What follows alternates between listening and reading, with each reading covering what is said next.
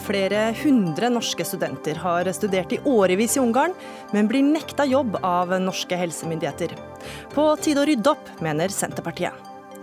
NHO roper varsko om økende arbeidslivskriminalitet, men freder bemanningsbransjen. Det er som å slippe reven løs i hønsegården, men be den om å bli vegetarianer, sier Rødt. Og Vårt Land har så mange menn i spaltene at de lanserer egen kronikkonkurranse kun for kvinner. Det må til for å veie opp for mange menns overdrevent store egoer, mener redaktør.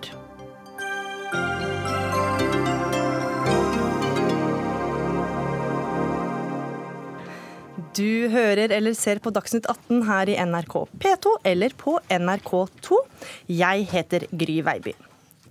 Flere hundre norske psykologistudenter går en uviss fremtid i møte. De studerer i Ungarn og får ikke godkjent utdanninga si i Norge. I snart halvannet år har de ligget i kamp med helsemyndighetene for å få godkjent studiene. Og nå krever helsemyndighetene at de må studere i to og et halvt år til for å praktisere i Norge. Eh, Alexander Varing, du har også studert i eh, Ungarn, og du er president i eh, Psykologiforbundet. Helt kort, Hva syns du om hvordan norske helsemyndigheter har behandla denne saken? Nei, Vi er jo sterkt uenige med både konklusjonene norske helsemyndigheter har hatt, men også fremgangsmåten deres, saksbehandlingen deres. Hva sier de studentene som du er i kontakt med? De uttrykker stor fortvilelse, først og fremst. Det er jo mennesker som er unge mennesker som har uh, lagt en betydelig del av uh, de liv siden sin, Altså de unge mennesker som har brukt lang tid på å studere, og så nå får de beskjed om at studiene de har eh, Stemmer. Eh, satsa på, ikke blir godkjent. Og Dette starta da høsten 2016. Eh, det var da studenter som søkte om å få jobbe som psykologer i Norge, fikk avslag. Hva var det som skjedde? Nei, Først fikk vi jo beskjed om at, om at Beklager. Kjersti Toppe, du er stortingsrepresentant for eh, Senterpartiet. Kan ikke du bare dra oss gjennom denne saken? Hva er det som har skjedd? Mm. Nei, det var, jo, eh, det var jo en praksis i, i, Norge der de som studerte i utlandet, eh, fikk en, en lisensordning og fikk jobbe under veiledning i Norge, og da fikk de godkjent det som autorisasjon. Og Så ble det en brå stopp da i 2015, eh, eller 2016. Eh, og det gjør jo at det er et par hundre studenter nå som, eh, som går og er ferdigutdanna, men som ikke får lov å jobbe i Norge. Så har det vært en, en konflikt, vil jeg si, mellom Helsedirektoratet og det som er eh, virkelighetsbeskrivelsen blant studentene. For studentene har klagd? De har klagd. Mm. Eh, og der, eh, der, eh, der, står vi. Mm. Hva syns du om saksbehandlingen i denne mm. saken? Jeg, eh, reagerer jo svært på den. Jeg har ikke tillit til måten som Helsedirektoratet har, har behandla denne saken på. Jeg syns argumentasjonen den er jo vidt forskjellig. Den beskrivelsen av studiet som Helsedirektoratet har, og det som vi kan lese om, og som de sier ifra fra eh, Ungarn. For poenget til Helsedirektoratet er jo at det ikke er samme utdannelsen. En blir ikke utdannet til det samme. Fordi det Helsedirektoratet rett og slett har sagt, er at den utdanningen dere har tatt, den samsvarer ikke med den ja. vi har i Norge. Ja. Og dette har skjedd flere ganger. fordi når de påklagde, så fikk de også beskjed om at eh, Mm. Eh, de er utdannet til et helt annet yrke. Ja, og Det mener jeg de ikke kan godtgjøre. Den argumentasjonen mener jeg er så syltynn at uh, jeg har ikke troverdighet. Jeg, mener den er ikke troverdig. Mm. Og Nå vil du at helseminister Bent Høie skal gripe inn i ja. saken. Hva mener du at han skal gjøre? Nei, jeg mener Han må jo gå inn og ha direkte kontakt eh, med universitetet og fagmiljøet der, sånn at han går inn i sak og ikke bare skriver brev i andre system systemer og sånn. Og så, og så, for det er en sånn milevis avstand mellom eh, den virkeligheten Helsedirektoratet beskriver, og det som er realiteten som studentene sier. Mm. Så han må gå inn og, og i denne saka sjøl. Dessuten så har jo Stortinget sagt at vi ønsker eh, gode overgangsordninger, fordi at det er, eh, det er urimelig det som har skjedd, når en plutselig fra en dag til en annen så får en ikke godkjent den utdannelsen. Og eh, det er jo en En kan ikke behandle studenter på den måten heller. Vi eh, har invitert eh, helseminister Bent Høie hit til studio, men han eh, meldte avbud. Men du er her, Anne Grete Erlandsen. Du er statssekretær i, for Høyre i Helsedepartementet. Hva er forklaringa du gir til studentene som fortsatt venter? det som er viktig å si her, er at jeg har jo møtt Alexander Waring før. Eh, og har eh, stor forståelse for den situasjonen som, eh, som, han beskriver både han og flere er i. Så det er. Men det hjelper jo han lite. Hva, hva er forklaringen på at de venter nå? Det, men det er selvfølgelig viktig å vite mm. noe om den situasjonen der. Og så blir det veldig stort fokus på, på, på det. Så er det nok sånn at Helsedirektoratet har dessverre da i 2016 oppdaget at det har gjort en feil gjennom flere år. Men når man har gjort en feil, så er man faktisk nødt til å rette opp i det, og ikke fortsette å gjøre samme feilen. Kan du si noe mer om den feilen så, som Nå tror jeg at jeg forholder meg til, til eh, å forklare litt ferdig på det. Eh, fordi det som da de har eh, funnet ut, det er at den utdanningen som er gitt ved universitetet i Ungarn, ikke er en universitetsutdanning som gir den samme profesjonsutdanningen som i Norge. Og det som er det viktige her Men vil de si at alle de andre som har fått godkjent sine utdanninger før 2016, de får fortsette som psykologer, mens de som da, etter at Helsedirektoratet gikk inn, får ikke fortsette? Ja, mm. og Grunnen til det er rett og slett det viktige at en psykolog som er utdannet, profesjonsutdannet i Norge, han eller hun har anledning til å ta syke mennesker i behandling på et selvstendig grunnlag, akkurat som en lege vil ha det. Og det er det som er vår virkelighet. Det er at eh, for å være psykolog i Norge, jobbe i helsetjenesten, behandle psykisk syke, så må du ha den, eh, den utdanningen. I Ungarn, og det har jeg faktisk også lært av deg, Aleksander, så er det sånn at eh, de som jobber som psykologer i Ungarn, de jobber under veiledning av en lege. Det gjør ikke psykologer i Norge. De er helt selvstendige og jobber selvstendig fra første dag som psykolog og kan behandle syke mennesker. Varing, de, jobber, si de jobber ikke under veiledning av lege, de jobber under veiledning av spesialist. Og du har også lært av meg at denne veiledningen som de jobber under, er ikke noe guidet aktivitet eller noe sånt. Jeg skrev det i en mail til deg. Det er en formell kontroll i regi av institusjonen. Det vil si at Eh, institusjon, foretak som de jobber på, har det formelle ansvaret. Det er det samme i norsk spesialisthelsetjeneste. Hvis en psykolog i norsk spesialisthelsetjeneste skal eh, diagnosere, utrede, eh, skrive en epikrise, så må den kvalitetssikres av en spesialist. Det ble, Helsetilsynet fant i juni at det var et brudd på forsvarlighetskravene eh, eh, hvis dette ikke ble gjort. Og det ble det ikke eh, i Rogaland i, i juni. Og jeg er ikke ferdig. Eh, det er også sånn at I Ungarn så kan man ta syke i kur. Jeg kan med min utdanning ta syke i kur i Ungarn. Jeg kan gå ut og gjøre akkurat de samme oppgavene som en norsk psykolog kan gjøre i Norge. Under såkalt veiledning. Men her har vi forklart det, hva den veiledningen går ut på, og at det er det samme som eh, i spesialisthelsetjenesten i Norge. Erlandsen, er du uenig i den beskrivelsen? Ja, det må jeg bare si det sånn at Der har nok du og jeg en forskjellig oppfatning. Eh, og jeg syns det er eh, riktig å ikke kalle det noen konflikt, for det, det, er ikke det det handler om. Det det handler om, er at eh, vi har da i Norge en ordning hvor vi er nødt til å vite at det som vi utdanner folk til i Norge, og det som vi godkjenner folk som har en annen utdanning på, er likedan. Og så er det sånn at Dette er ikke Helsedirektoratet alene som mener det. Det er faktisk også et ekspertpanel som har har folk eh, på plass som, mm. som, driver med utdanning i Norge. Mm. Og så vet jeg at uh, Varing sier at ja, men de har jo egeninteresser i det. Det forventer jeg at de ikke har. Jeg forventer at det er en selvstendig vurdering de gjør, for det er deres faglige ansvar. Så, så sånn er det. Helsepersonellnemnda som har behandlet klager fra, fra, disse, har kommet til samme konklusjon. Men nå er det viktig. Hvor står vi nå? Fordi du, du Jeg tror jeg må få lov til å Du avbrøt meg da, og fikk lov å fortsette. Nå vil jeg fortsette. Fordi som du sier, Kjersti Toppe, så er det sånn at uh, Stortinget har bedt om at vi en, gjør en vurdering av hvordan dette skal løses. Det er vi faktisk i gang med. Ja, og hvilke, vil dere, Hvordan vil dere løse det for de som sitter og venter på hva de skal gjøre videre? Helsedirektoratet har kommet med en anbefaling, mm. og, og, den er eh, en, videre, en, påbygning av den utdanningen som har vært eh, for, De har foreslått to og et halvt år til. Vi har ikke tatt stilling til om det er det vi vil anbefale. Eh, det er, og dette er et komplisert mm. område. Derfor så vil vi gjøre en grundig vurdering av det, og vi jobber med det nå og håper å komme veldig fort tilbake. For jeg vet at dette er noe som er en veldig vanskelig tid for mange. Toppe, her har jo da Helsedirektoratet to ganger sagt at denne utdanningen ikke er jevngod med Norge. Det har også vært en nevnd inne og sagt det samme. Mm. Hva, hva er din reaksjon på det? Mm. Nei, eh, det, Da burde jo eh, en ikke hatt ei sak eh, hvis eh, en hadde tillit eh, til Helsedirektoratet og nemnda, og at det var forståelig det de sa. Men poenget er at det, er, jo, det er jo bare en, i Norge en får disse problemene. Eh, og det, det, en tar inn òg psykologer som, fra andre land, som igjen er utdanna i Ungarn. Så det, er masse her. Og vi har eh, andre eh, ja, sakkyndige mm. som, som, kan dette her, som, som, som, har en helt annen historie. Så jeg har ikke tillit til den vurderingen. Det er derfor vi ber Helsedirektoratet. Og det er to og et halvt år, forslaget. Altså det, det kan jo en ikke foreslår. For det er jo det samme som å be studentene ta en helt ny utdannelse. Mm. Så det er, et, det er, jo ikke en løsning, det er ikke en kompensatorisk tiltak for disse studentene.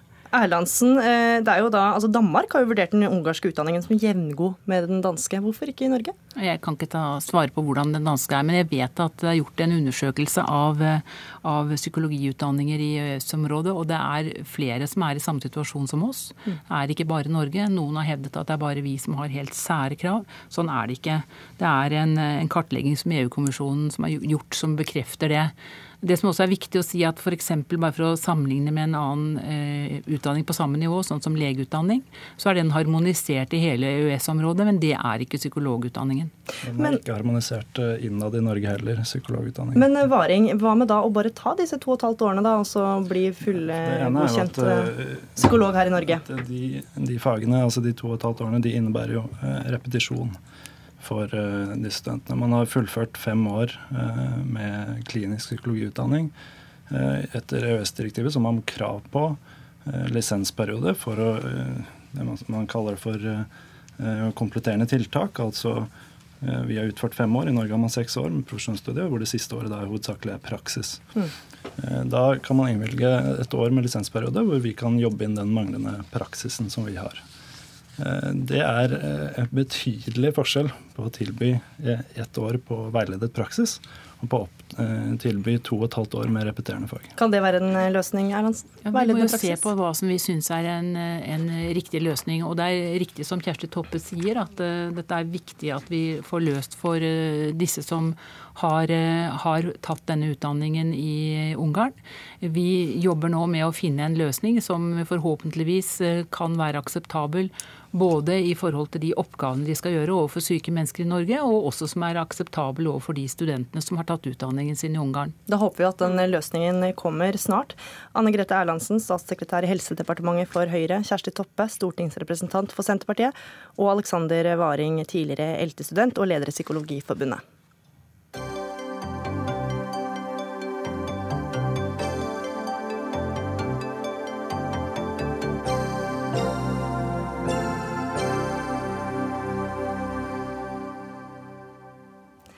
Den eh, blå-grønne regjeringa får blanda respons. Ikke så uventa også fra opposisjonen, som var raskt ute med å kritisere den nye trepartiregjeringa.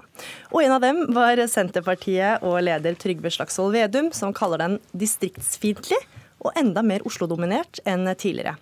Og Trygve Slagsvold Vedum fra Senterpartiet, til Dagbladet sier du at de tre partiene, Høyre, Frp og Venstre, får fram det verste i hverandre. Hva legger du i det?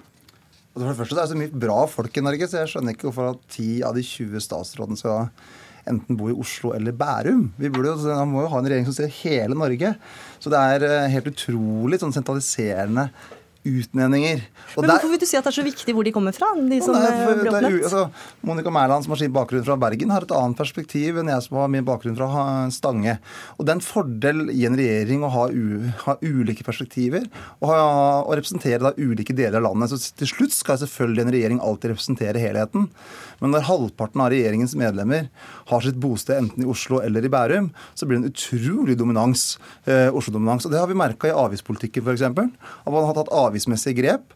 Eh, F.eks. For i forhold til bruk av bil, som kan fungere i Oslo, for da kan du gå på buss, på trikk, på T-bane. Mm. Men det kan ikke fungere i Troms, Finnmark, Hedmark, egentlig heller ikke Akershus. Det merka forhold til landets pendlere. For det er mange som reiser langt på jobb. Det må du ikke hvis du bor midt i Oslo. Du har merka det når sentralisering av politiet, i kommunereformen, i en regionreform som ingen skjønner eh, hvorfor vi har fått. I hvert fall ikke de som bor i de regionene som har blitt nye. Men allikevel så har det blitt sånn. Og jeg tror det handler om at det er for få i regjeringa som kjenner den virkeligheten på kroppen. Og da får man et Oslo-perspektiv, og da får vi dårligere løsning f.eks. i vern, bruk, og hvordan vi kan se hele landet. Dårlig nytt altså for distriktene. Monica Mæland. De burde tenkt, Det er jo så fantastisk land. hvordan Vi må jo ha folk fra hele landet, ikke bare fra Oslo og Bærum. Det er ikke noe gærent med folk fra Oslo og Bærum, men vi trenger mangfold, ikke enfold. Monica Mæland fra Høyre, du er nybakt kommunal- og moderniseringsminister. Og du er en av disse statsrådene da, som sitter i den regjeringen, ikke fra Oslo, men fra Bergen. Hva sier du? Distriktsfiendtlig regjering? Jeg sier at eh, Senterpartiet går på autopilot, og så driver de talltriksing.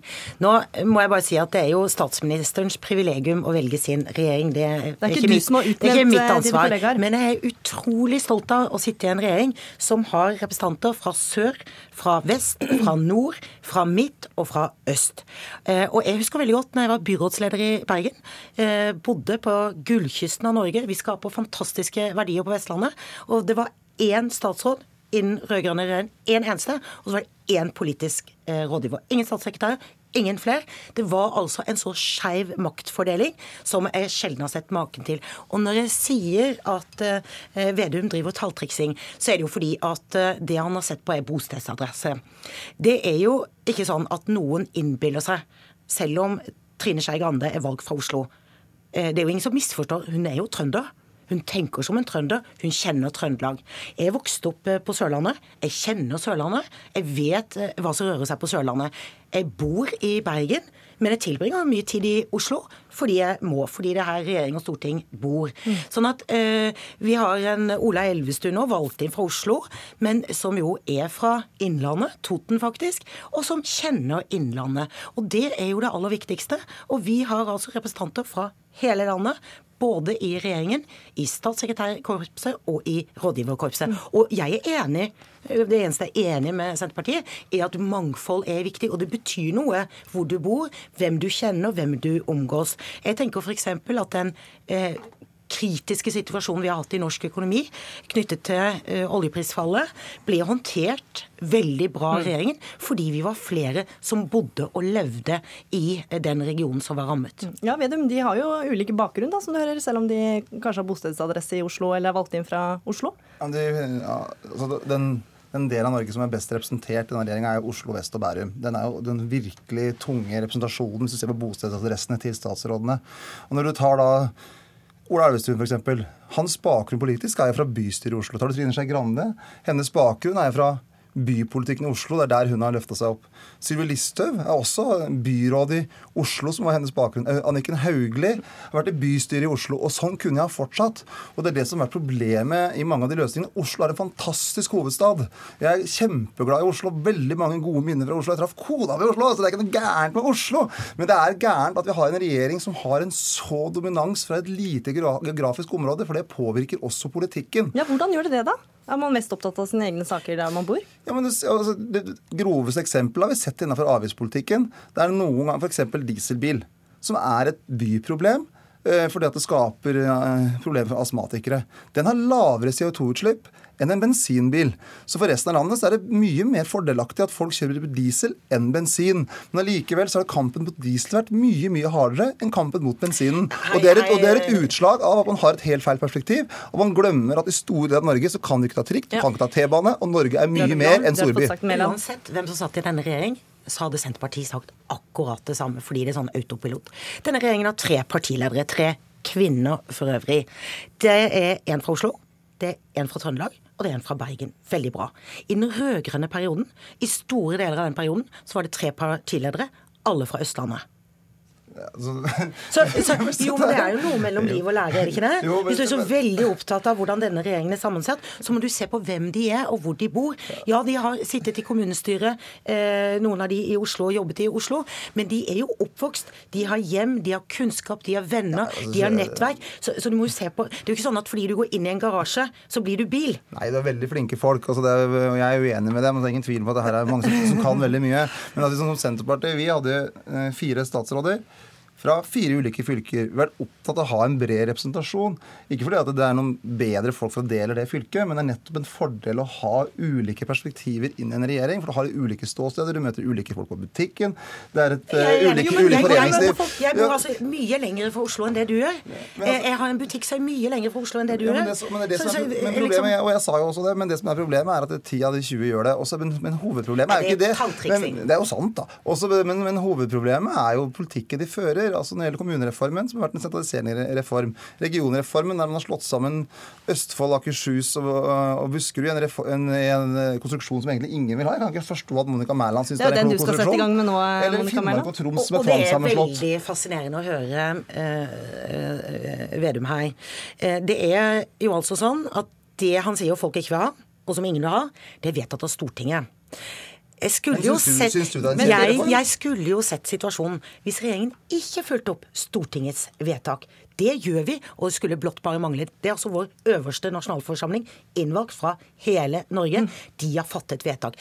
Alle kjenner mitt standpunkt til regionreform. Jeg har ikke gått i tog for den, men Stortinget har fattet vedtak. Da er det faktisk min jobb å gjennomføre den. Det kommer jeg til å gjøre. Og jeg kommer til å være opptatt av én ting, og det burde du òg være, og det er å flytte mer makt fra Oslo og ut til kommuner og regioner. Det er kjempeviktig at flere eh, vedtak kan fattes nærmere der folk bor. Men det høres jo veldig ut eh, Senterpartiets hjerte, da. krever jo det at du har en viss størrelse. Det er jo ikke sånn at jo mindre en kommune er, jo bedre er den.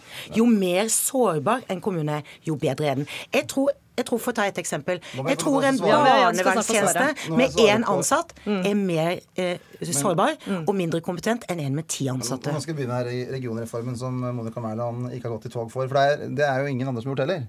Altså Det er noen i Venstre som syns det var en kjempeidé å lage sånne store regioner uten innhold.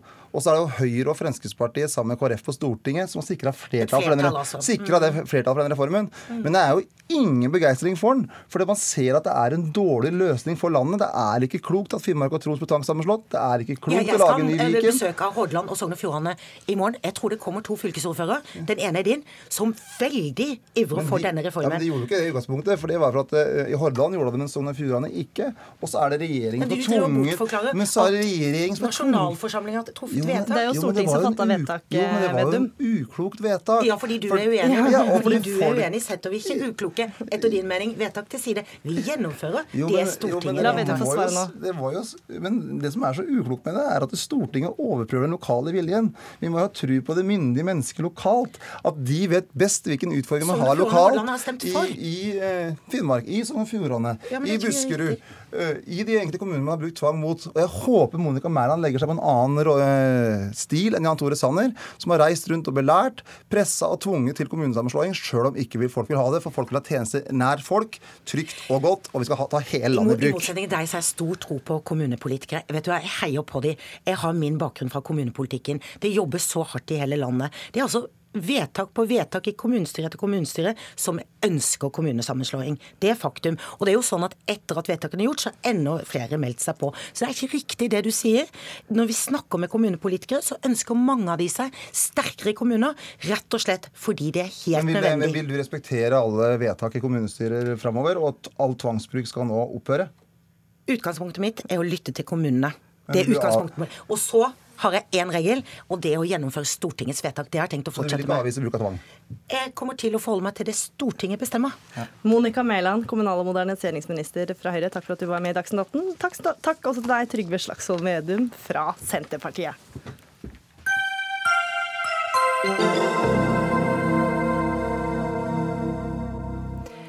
Da skal vi til USA. For i helga er det ett år siden den amerikanske presidenten Donald Trump flytta inn i Det hvite hus. Og utenrikskorrespondent eh, Tove Bjørgaas, amerikanerne er uenige om eh, hvorvidt han har lykkes så langt. Eh, hvordan kommer denne splittelsen til uttrykk?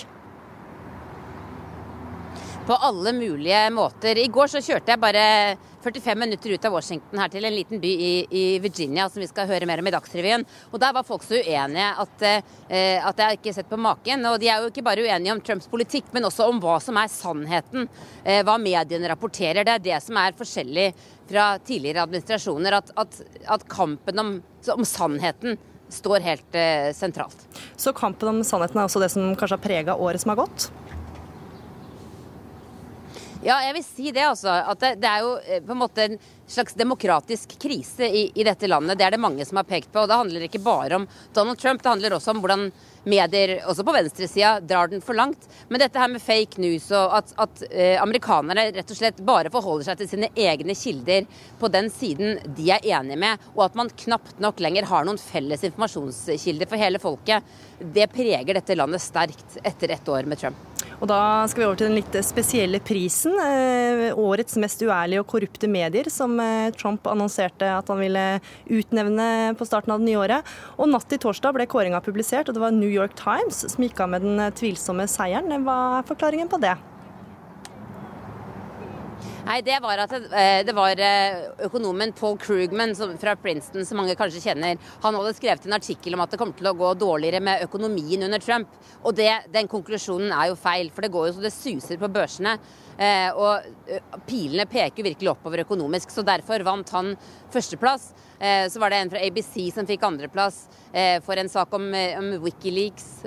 Og det var også flere andre priser til til medier som Donald Trump mener har eh, rapportert feil om eh, denne russlandsetterforskningen og hva slags samarbeid det har vært mellom Russland og, og, og Trump-administrasjonen. Men eh, hva slags reaksjoner har denne prisen fått, da? At Trump ville ha en egen pris? Reaksjonene de føyer seg jo inn i det samme mønsteret jeg nevnte innledningsvis.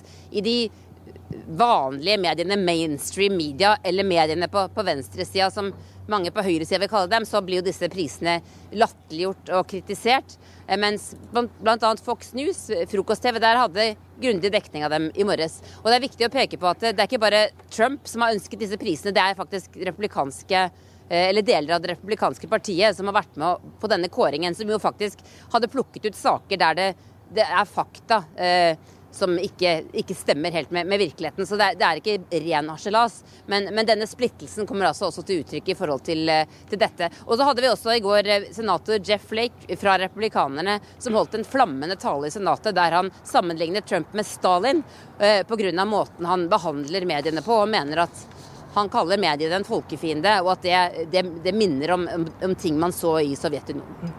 Og det blir garantert mer om Donald Trumps år som president eh, i NRK de neste døgnene. Takk for at du var med i Dagsnytt 18, Tove Bjørgaas.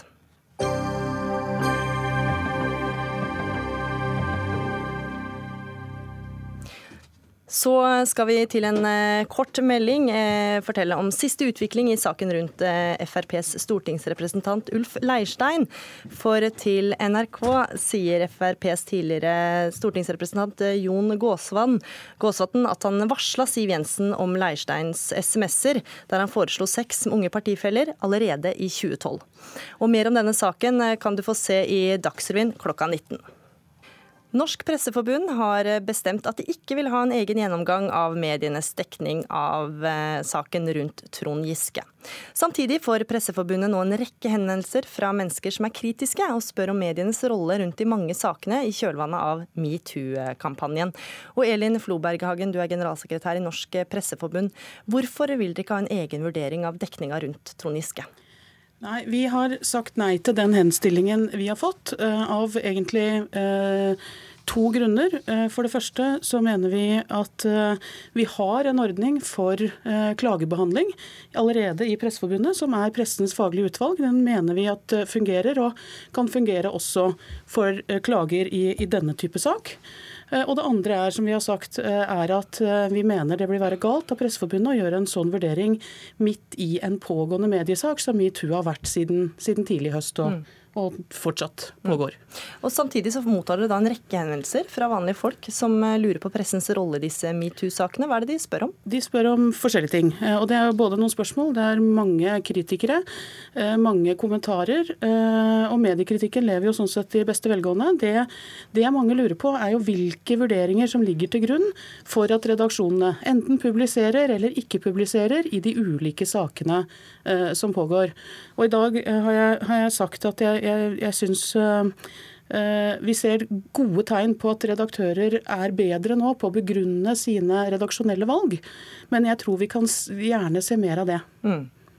Olav Terje Bergo, du er tidligere redaktør for Bergensavisen, og det var du som henvendte deg til Norsk Presseforbund og mente at forbundet burde ta et slikt initiativ med en egen gjennomgang av medienes dekning rundt Trond Giske-saken. Hva syns du om svaret du fikk her nå?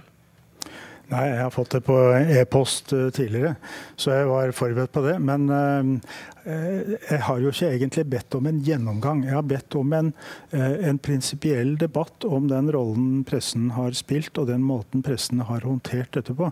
Og jeg så jo ikke at Pressens faglige utvalg er et forum for det. Men Presseforbundet er en samlende organisasjon for norske eh, nyhetsmedier, og, og de, vil kunne, de, ville kunne tatt en slik diskusjon. Tror jeg. Hvorfor er ikke Pressens faglige utdanning riktig instans? Det er jo en, et eh, klageorgan. Og, og, jeg har jo ikke egentlig ønsket, det sa jeg jo også da jeg eh, tok dette initiativet, at jeg har jo ikke ønsket verken å, å klage på eh, noen spesiell eh, reportasje eller på noen spesiell, noen, spesiell nyhetsredaksjon.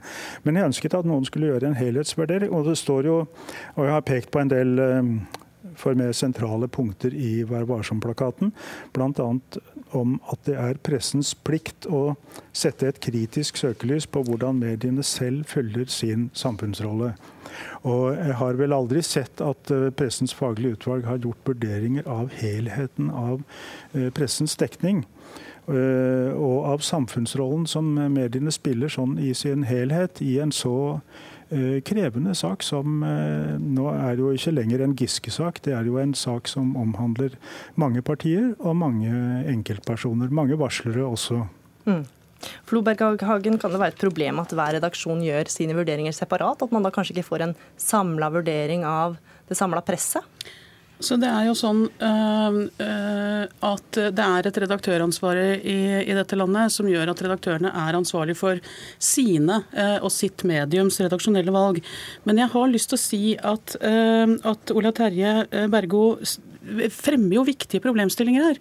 Og det har jeg også svart han ikke sant, I, i, i, eh, på henstillingen hans. Fordi både bruken av anonyme kilder, medienes mulighet for kildekritikk, faktasjekk, eh, hva, hva er det som, som faktisk har skjedd, eh, kommentariatets rolle kan være interessant å diskutere. Det er en lang rekke etiske problemstillinger. Det vi har sagt at vi tror den er bedre egnet for en løpende eh, etisk debatt, både i redaksjonene, i Presseforbundet gjerne, og eh, i offentligheten. Bergo, er en løpende debatt nok? Eh, det som er, det som alle, alle, som har vært redaktør noen år, vet jo at når du er midt oppe i en så krevende nyhetsstrøm som eh, metoo og de sakene som har fulgt etter den, eh, har, har ført til, så får de fleste redaksjonene nok med å følge ballen. Mm. Og, og, det å ta et helikopterperspektiv og se på hvordan alle de andre også dekker det, eh, det, det ligger jo i det prinsipielt i redaktøransvaret, men det er ganske krevende å gjøre det. Det vet alle sjefsredaktører som har forsøkt. Så jeg, så jeg, har, jeg hadde egentlig tenkt at Presseforbundet er det mest nærliggende mm. organ til å ta litt sånn avstandsblikk på uh, pressens dekning. Og, og, og, så komme med noen eh, kloke ord til til den prosessen, selv om den fortsatt ruller framover. Og det er jo noe med metoo Mm. Som jeg tror, altså Det er jo en sånn enorm moralsk styrke i den metoo-kampanjen. Det er jo en slags eh, moralsk tsunami med en veldig, en veldig, styrke. Og den treffer jo litt likt og ulikt. Og det er, det er tøft å bli truffet av den. Og det, det syns jeg kanskje mediene ikke helt har klart å håndtere sånn som de burde. Bergo, vi skal ta inn ja. siste person. Lena Lingred, du er politisk redaktør i Morgenbladet. Og du mener mediene delvis har svikta i sin rolle som gransker av seg selv. Hvorfor? Hvorfor det? Eh, dette er et poeng som vi kan se gjenta seg eh, gjennom flere av disse store merestormene. Sånn at eh, Det er liksom fristende fordi metoo er så viktig å se bort fra det. Men hvis vi skal være prinsipielle, så mener jeg at, at dette er et problem for pressen. At vi ikke gransker det totale trykket. Vi kan ta ansvar for egen dekning, hver og en redaksjon, men det totale trykket er et reelt og økende problem. og Sånn har det vært i mange år etter at medie, mediene ble digitalisert. da. Og Hvilke eh, konsekvenser er det, da? Nei, det er mange konsekvenser. Det har veldig store konsekvenser for de enkeltpersoner som blir truffet av disse eh, medieflommene. Veldig store konsekvenser uansett altså om den enkeltpersonen på en måte må stå til ansvar for sine handlinger. Så har det også store konsekvenser for de pårørende og barn. kan det ha store konsekvenser for. Det er også påvist sammenhenger mellom eh, mediedekning og terrorisme. Eh, mye tyder på at eh, mediedekning, altså mye, mye publisitet, har smitteeffekt. Sånn at, at terrorhandlinger terror, inspirerer til nye terrorhandlinger. Og jeg mener også det er en tendens til å se at dette gjelder ikke metoo, men det gjelder andre, andre, sånne lignende saker. At de fordriver eh, Det er sånn emosjonell eh, blodtåke som omgir dem. Sånn at de, de fordriver andre viktige samfunnsdebatter også. Sånn at det er på tide at pressen får dette med det totale trykket inn som en sånn egen komponent da, i sine vurderinger av, av presseetikk i redaksjonene. Floberghagen, hva sier du til det? Nei, jeg, jeg, mener det peker på det, det virkelige store dilemmaet i disse sakene, er jo det hun peker på. Og det er jo nettopp den massive dekningen og hvordan den påvirker både, både samfunnsdebatten og, og den, de som blir truffet av den. Og så er jeg nok usikker på hvordan det kan løses. rett og slett i et land med hvor ansvaret ligger hos den enkelte redaktør. Men å være bevisst på det, snakke om det, sånn at dette må også være en del av den enkeltes redaktørs vurderinger når man publiserer. Hvor mange førstesider, hvor mange oppslag, hvor mange store bilder. Men holder det da? Man konkurrerer jo ofte med andre medier. Absolutt. og Klarer man å passe på det da? Nei, og jeg vil ikke. Jeg sitter jo ikke her og vet ikke, og det kan være begått store eh, etiske feil som ikke har blitt klaget inn til oss. Eh, vi har jo ikke fått mange reelle klager, men vi får som sagt mange spørsmål. Og, og, og jeg tror det bare er utrolig viktig at vi, at vi er helt åpne, den enkelte redaktør og, og Presseforbundet og andre, om, om, hvilke elementer er det man skal vurdere da, før man velger om hvorfor kommenterer man ikke innholdet i ryktene om kulturministeren, hvorfor forteller man ikke navnet på samfunnstoppen i Troms, hvorfor går man så tett på Tonning Riise eller på, på Trond Giske? Og, og jo mer åpen uh, man kan være om dette, uh, sånn at folk får innblikk i hvilke vurderinger som er gjort, og så kan man kritisere dem og publiseringene gjerne, men med kanskje litt enklere debatt. Men eh, Lindgren, du snakka litt om konsekvenser her. Men eh, kan en konsekvens også være at mediene flytter sine egne etiske grenser for hva som er greit å skrive om eh, i løpet av disse sakene? Og pga. det samlede medietrykket? Det kan det. Det er veldig vanskelig å si noe helt spesifikt om alle de ulike sakene i, i den metoo-politikerskandalen. For det er så utrolig mange altså de er så forskjellig karakter. ikke sant? Alt fra veldig grove overgrep til Uh, uakseptabel uh, oppførsel. Men er de flytta så langt, det du har sett? Nei, jeg tenker at det viktige er jo at altså Egentlig så må jeg si ja på det, fordi at metoo er jo et paradigmeskifte. Det er et mm. mentalt paradigmeskifte, og det er kjempeflott. Men altså, mediene har visst om rykter, disse ryktene i årevis uten å skrive om det. Så det at man faktisk gjør det nå, det er uttrykk for det, at den grensen er flyttet, det. Og det kan godt hende at det er riktig. Eh, men jeg tror bare vi bør på en måte være åpne på det, og nettopp som, eh, som, som hun sier, er at vi, det må vi drøfte. Og så vil jeg bare si én ting i, til, altså, i forhold til det med å si at som redaktør ofte gjør, da, at hva, hvordan skal vi ta ansvar for det, da? Eh, den totaliteten kan ikke vi Men hvis ikke vi gjør det, hvem skal da gjøre det? Det er jo, det er jo bare pressen som kan gjøre det. Og det betyr kanskje ja at man må nettopp eh, si at i dag publiserer vi ikke åtte saker. Vi publiserer tre mye mer gjennomarbeidede saker. Men et sted må vi begynne, og det er, eh, det er ikke sånn at det er umulig. Det er faktisk mulig. Mm. Bergo, har vi flytta grenser her, vil du si det? Ja, jeg tror at vi har flytta noen grenser. Og vi har kanskje ikke helt klarhet i hvilke grenser det er vi har flytta. Men jeg tror jo aldri at uh, det som har vært skrevet om uh, den nye kulturministeren, hadde kommet på trykk i noen avis for 20 år siden, eller 10 år siden. Og jeg ser jo det er mange aviser som ikke har trykket det, uh, mange redaktører som ikke har trykka dette i dag. Og, og, og jeg ville da altså ikke ha tenkt på en gang at dette skulle være noe vi skulle publisere. Så at det er flytta noen grenser, det, det, tror jeg det er. Og, og, og, til det Elin sa i sted om at hvordan kan dette løses? Jo, vi kan løse sånne store eh, samfunnsproblemer og samfunnsutfordringer som det er å rydde opp i i det som metoo har gitt et grunnlag for å rydde opp i. Og det er jo å gjennomføre store offentlige eh, samtaler, selv om de er vanskelige. Og, og, og det må jo selvsagt det enkelte medie og den enkelte redaktør føle et stort ansvar for. Men, og så begynte vi kanskje men, jo, litt her? Jo, jo, men det er jo også noe med at uh, noen burde kanskje ta et større ansvar enn andre, og der mener jeg Presseforbundet uh, burde stille opp. Og det er skuffer meg litt at ikke det er blitt gjort. Men, men vi er ikke langt altså Jeg skal ikke jeg har veldig tillit til Presseforbundet, ja. og det er jo derfor jeg har bedt om invitert de til å gjøre den diskusjonen. Ja. Olav Terje Bergo, vi fikk jo starta litt her, da. Tidligere redaktør i Bergensavisen, Elin Floberghagen, generalsekretær i Norsk Presseforbund, og Lena Lindgren, politisk redaktør i Morgenbladet. Takk for at dere kom til Dagsnytt 18.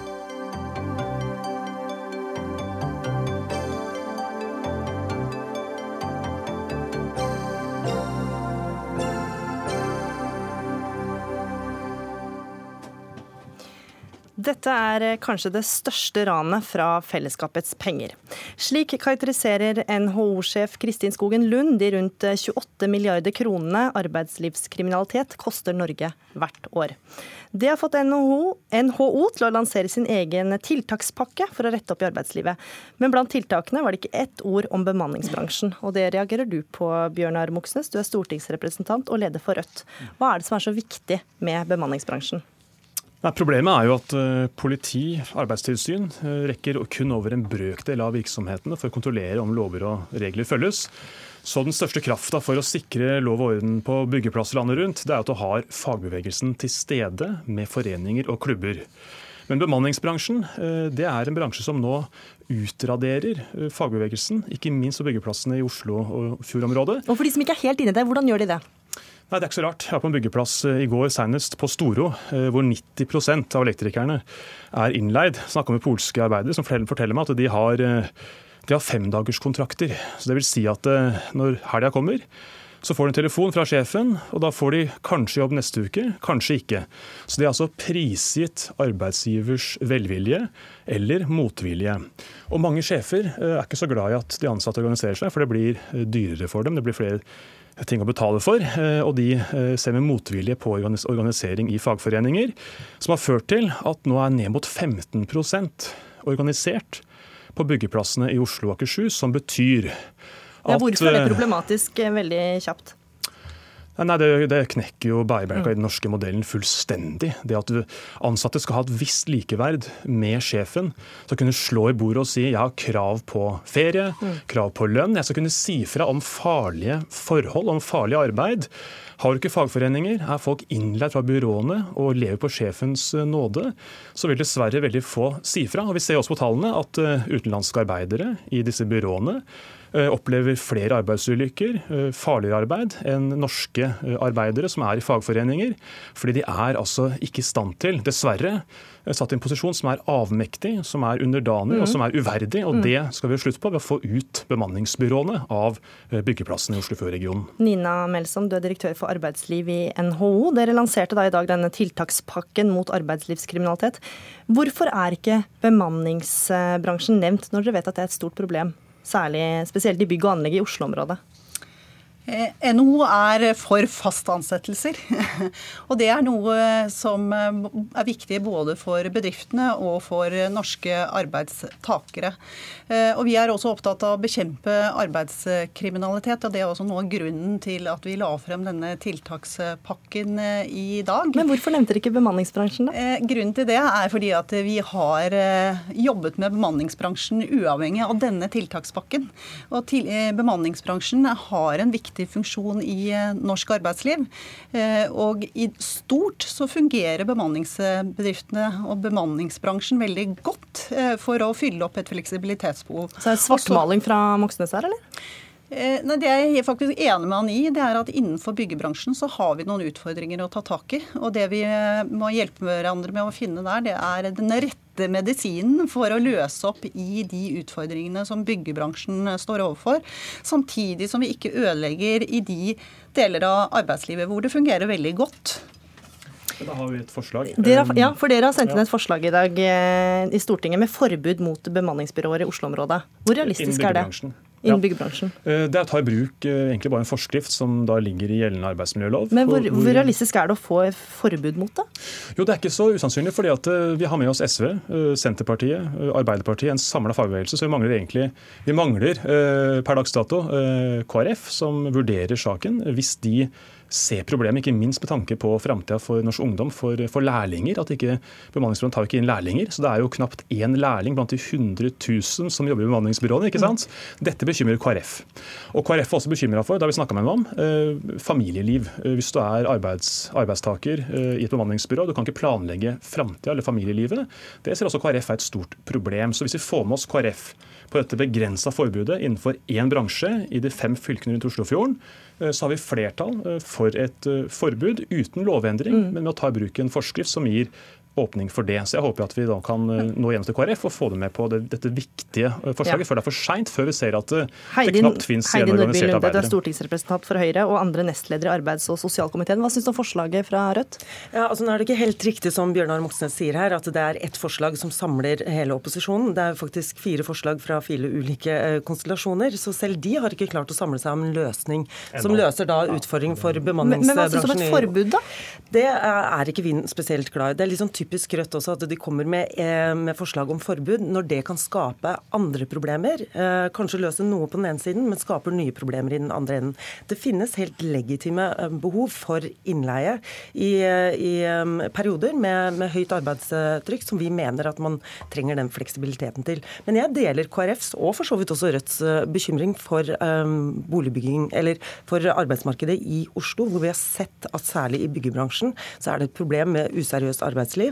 Og jeg har lyst til å sitere min egen minister Anniken Hauglie, som kalte, eh, kalte, dette en krig, og at kriminelle aktører forsøpler arbeidsmarkedet. Den kampen skal vi som ønsker et seriøst arbeidsliv, vinne. Men jeg tror ikke forbud er veien å gå. Men hvorfor er den ikke vunnet ennå? Nå har dere sittet i regjering i over fire år, og dette har vi jo visst om lenge. Ja, I løpet av de fire årene så har vi gått fra null til syv eh, arbeidslivskrimsentre, som eh, begynner å få veldig gode resultater, og som vi ønsker å øke innsatsen hos. Det har vært gjort veldig mye på å stramme inn på forskrifter, regler. Og for å adressere akkurat de problemene som Bjørnar Moxnes da eh, lanserer et forbud eh, for å adressere, så har vi hatt tre ulike forslag på høring. Vi har fått inn eh, Høringsfristen har utgått, og regjeringen kommer med forslag som er ment å adressere akkurat det. Så hvis KrF og eventuelt også opposisjonen på Stortinget er villig til å vente, så vil vi komme og fremme forslag for Stortinget som vi mener at kommer til å løse utfordringene. Jeg tror eh, litt for få på borgerlig side tar inn over seg situasjonens eh, alvor. Altså, Fellesforbundet eh, de undersøkte 59 byggeplasser i Oslo og Akershus i fjor med 3000 arbeidere. De fant at 40% var innleid, og at 85% av innleien var ulovlig. Se for deg at 85% av de som jobba på en arbeidsplass, mm. Eh, NRK, jobba der ulovlig. Det ville vært et ramaskrik uten like. Men siden det her rammer i all hovedsak utenlandske arbeid som står, som står svakt, som har en svak stemme, så er det få som eh, til nå har brydd seg tilstrekkelig. Men vi skal gjøre slutt på denne uverdige behandling av arbeidsfolk som ofte kommer fra Øst-Europa, som vi ser gjennom bemanningsbyråene. De folka der de trenger vi til å bygge landet, men de skal få jobb, fast jobb gjennom produksjonsbedriftene, ikke være innleid og altså leve på sjefens velvilje. De skal heller ha fast jobb, som er bærebjelka i et seriøst arbeidsliv. Og også avgjørende mm. for å kunne bekjempe nettopp som Høyre sier, altså bekjempe kriminaliteten. De useriøse. Da må du ha fagbevegelsen til stede på byggeplassene. Og den forsvinner når bemanningsbyråene turer inn. For å snakke litt om fagbevegelsen, Melsom. Eh, et av målene er å øke organisasjonsgraden. Vi ser at lavere organisasjonsgrad det er, jo større er innslaget av kriminalitet, mm. sier NHO-sjef Kristin Skogen Lund.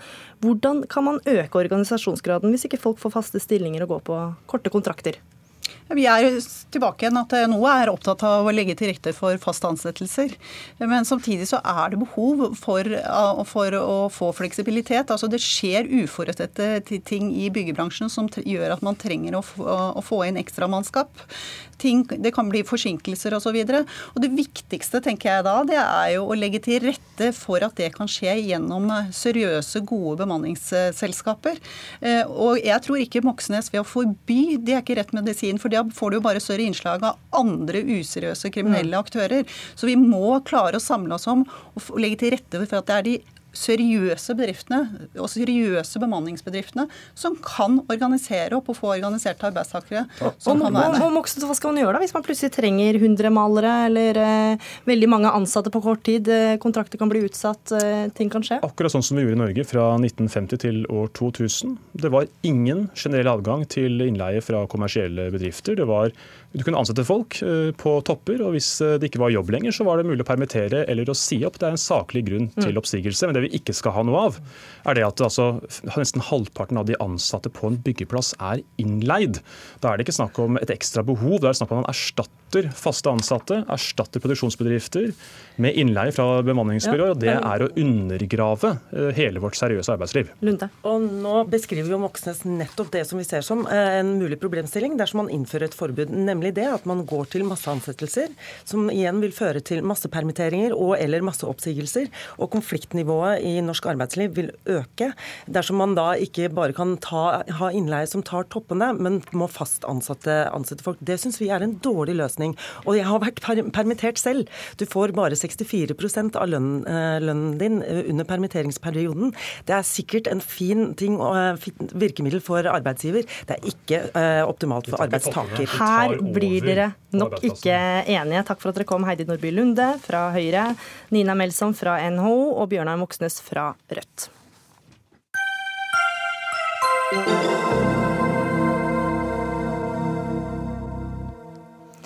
Det er mange menn i spaltene og kommentarfeltene til avisa Vårt Land. Faktisk er det ene kjønnet så overrepresentert at avisa nå lanserer en kronikkonkurranse bare for kvinner. Og vinneren får et stipend på 10 000 kroner. For uh, Alf Jøssund, du er religions- og debattredaktør i Vårt Land. Det er ikke alle som er like glade for denne kronikkonkurransen. Dere har fått noen negative kommentarer. Hvem er det de kommer fra? Vi har fått noen tilbakemeldinger eh, også i debatten etter at jeg skrev en eh, kommentar om det i avisen Vårt Land. Og noen tilbakemeldinger har vært av typen som ja, f.eks. en professor i teologi, eh, pensjonert.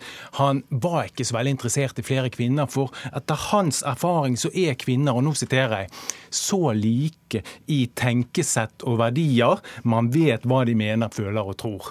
Eh, og så presiserte han at det gjaldt selvsagt kvinnene Vårt Land har, og det er jo en litt urimelig påstand, siden vi har veldig stort spekter, både religiøst og politisk.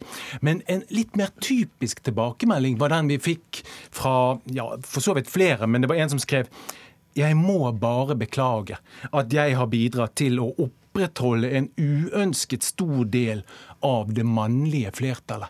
Og De ble rett og slett litt snurte? ja, og jeg lurer litt på det. Det er jo virkelig oppegående og, og tenkende menn som blir såret av at vi adresserer problemstillingen og lanserer tiltak for å gjøre noe med det. Og jeg har lurt på hvorfor. Jeg lurer på om kanskje det er så basalt som når et barn blir såret eller lei seg fordi de plutselig må dele oppmerksomheten med en ny bror eller søster i familien. Eller, ja, altså, det, det er nesten sånn at jeg av og til får lyst til å si Kjære Gunnar. Vi er fortsatt glad i deg, men nå er du 62 år, og da kan vi ikke ha regler i ludo som gjør at du vinner hele tiden. Men hvorfor, hvorfor har du lansert denne kvinnekonkurransen, hvis man skal kalle den det, og som da altså får stipend på 10 000 kroner? Ja, vi tenker at uh, Mennene kommer av seg selv. De melder seg på helt av seg selv i debatten. De trenger vi ikke å vie så mye oppmerksomhet, mens kvinner må oppmuntres mer. Og Det er mange årsaker til at de ikke oppmuntres mer. Eh, Jeg har jo hørt mange historier fra kvinner som forteller om hvordan de ble møtt f.eks. i faglig diskusjon på kontoret osv. Og jeg må innrømme at jeg i starten tenkte at dette har veldig mange anekdoter. Men etter at jeg begynte å legge merke til dette her selv og følge med hvordan de blir møtt, ignorert osv., så, videre, så har jeg kommet at det faktisk stemmer. Det er sånn det er. Ja, Likestillings- og diskrimineringsombud Hanne Bjurstrøm, men eh, konkurranse er også bare mot det ene kjønnet. Er det lov, eller er det kjønnsdiskriminerende? Ja, eh, altså i utgangspunktet etter diskrimineringslovverket så kan du ikke gjøre noe som bare er for ett kjønn. Men så kan ting allikevel være lovlig hvis det er for å fremme et formål som på en måte er akseptabelt. Og det, i dette tilfellet altså hvor kvinner er veldig, eller hvis kvinner er veldig underrepresentert. Og det er saklig det man gjør i forhold til det formålet man ønsker å fremme, og det ikke er veldig sånn disproporsjonalitet. Mm. Jeg skal ikke liksom forhåndsklarere denne konkurransen, men veldig mye etter mitt syn tyder på at dette ikke er i strid med lovverket. Vi snakker om eh, kvinner, et veldig formål om å få frem kvinner, og, og det dreier seg om en, en, en, premie som er rimelig, liksom, eh, ikke, ikke et enorm sum. Mm. Så mye tyder på at dette er et godt tiltak. Jøsund, hadde dere sjekka det, om det var lovlig det dere drev med? Vi hadde tenkt over problemstillingen, men jeg må jo bare si at ja, vi har hørt noen hevde at dette er kjønnsdiskriminering. Men jeg må jo bare si at da kommer jo de litt vel seint på banen. Hvorfor meldte de seg ikke i så fall da vi f.eks. For, for et år siden hadde en debattside der 95% av deltakerne var menn. Sånn var den debattsiden lagt opp. Da sa de ingenting. Også nå når vi gjør noen tiltak for å få flere kvinner på banen, da er det plutselig kjønnsdiskriminerende. Det er litt seint å komme med det. Men har du noe å si da, om det er en kvinne eller mann som skriver en kronikk eller deltar i debatten? Jeg tror at perspektivene blir jo eh, mye mer utvidet hvis Eller de blir mye mer innsnevret hvis 50% av befolkningen ikke føler seg eh, frimodige nok til å delta. Så det har ganske stor betydning. Mm. Bjurstrøm, hvordan hadde det tatt seg ut dersom man hadde hatt en egen skrivekonkurranse bare for menn? Nei, det vil kanskje stilt seg annerledes. Så det er fordi at da ville det ikke altså Hvis ikke menn er underrepresentert i spaltene, og det er det definitivt ikke, så ville jo en slik konkurranse ikke ha noe formål på en måte utover det å premiere en gruppe som allerede var der. Og Det er jo det som gjør at dette sannsynligvis er lovlig, det er det at det er en underrepresentert eh, gruppe. Vi vet at kvinner eh, kvier seg også av andre grunner for å ofte opptre og vise meningene sine i det offentlige. Vi har gjort en undersøkelse som gjaldt eh, kvinners deltakelse på nett i sosiale medier, som viser at kvinner i langt større utstrekning enn menn kvier seg og trekker seg bort fra mediene. Men Hva er din forklaring på det? da? Fordi de får så mange negative reaksjoner. Mm. Eh, og, andre typer reaksjoner. Altså Menn får også mye hat og, og, og, negative reaksjoner. Men de reaksjonene som er mot kvinner, er ofte veldig sånn ubehagelig seksualiserte. Eh, litt sånn sexvoldelig kombinasjon, som gjør at mange kvinner ikke ønsker å, å, å nettopp eh, være, på, være ute i det offentlige rom og gi uh, uttrykk for kanskje litt kontroversielle synspunkter. Hvordan har denne konkurransen fungert så langt? da? Har dere tiltrukket dere masse, mange flere kvinner? Vi har fått veldig mange spørsmål fra kvinner som lurer på tematikk og frist, som er den 25. februar. og og, og, noen har også spurt om premien. Så, men foreløpig så ser vi jo at mange venter til nærmere fristen med å delta. Man vil jo pusse litt på utkastet. Men jeg, apropos det der eh, en debattkonkurranse for menn. Jeg ser ikke bort fra at vi kan lansere en kronikkonkurranse for menn i fremtiden, der temaet f.eks. er feminisme. Det kan jo være interessant å se hvilke tilbakemeldinger vi får på det. Eh, du sier også at dere har svikta å skape en god eh, debattarena for begge kjønn. Hva, hva tror du er i tone og temaene hos dere som ikke har appellert til kvinner?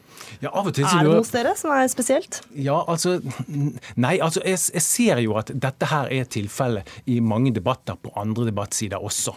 Men når, det, når vi skal snakke for oss, så lurer jo jeg på om verdi- og religionsdebatten ofte blir litt sånn Det, det handler ofte fort om grenser og definisjoner. Og, eh, og, og eh, når Gud kommer med i, i, i hele debattemaet, så blir det fort fryktelig alvorlig. Og da ser vi at for mange menn, blant annet, så blir det veldig viktig å få dominere denne debatten alene. Og det går særlig utover yngre kvinner, har vi lagt merke til. Mm. De får ofte passet sitt påskrevet på en litt annen måte enn menn gjør. Mm. Bjurstrøm, hva skal til for å, utover å ha egne kronikkonkurranser for eh, bare kvinner, for å få flere kvinner til å delta i samfunnsdebatten? Jeg tror det er veldig viktig at vi er oppmerksom på um, de holdningene som kvinner møter. Uh, vi vet jo at mange redaksjoner bl.a. er flinke til å på en måte moderere debattene, gå inn og argumentere i forhold til de mennene som kommer med, med ubehageligheter. Uh, men, men dette det, er ikke noe, det er ikke noe lett svar på dette. Fordi at vi har en, en debattstil der ute i en del tilfeller som, som rammer kvinner uh, på en ubehagelig måte. Men, men jeg er opptatt av at at, eh, at, man må stimulere kvinner til å være med i diskusjonen. Og, og, på en måte bare være tydelige. Og så er jeg opptatt også nettopp av dette, at man kan gjøre mye for å, uh, for å gå sammen på nettet f.eks. Når man ser at noen blir utsatt for veldig hard medfart, så kan både redaksjonene, men også andre, andre som går inn på mediene, backe opp og på en måte bare skyte ned de som har de holdningene.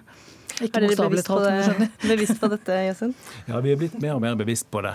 Eh, vi får ofte spørsmålet fra eh, eller, eller, for å si sånn, En av våre mest meningssterke kvinnelige kommentatorer fikk spørsmålet eh, hvorfor deltar du eh, ikke på verdidebatt? Mm. Og hun svarte mitt store spørsmål er hvorfor så mange menn deltar. Hvorfor de kan trives i en debatt som er såpass usaklig og, og avsporende som den debatten er. Takk til deg, Alf Jøsund, og takk også til deg, Hanne Bjursum. Dagsnytt 18 er over. Ansvarlig for sendingen var Arnhild Myklebust, og teknisk ansvarlig var Finn Lie, og her i studio var Gry Veiby.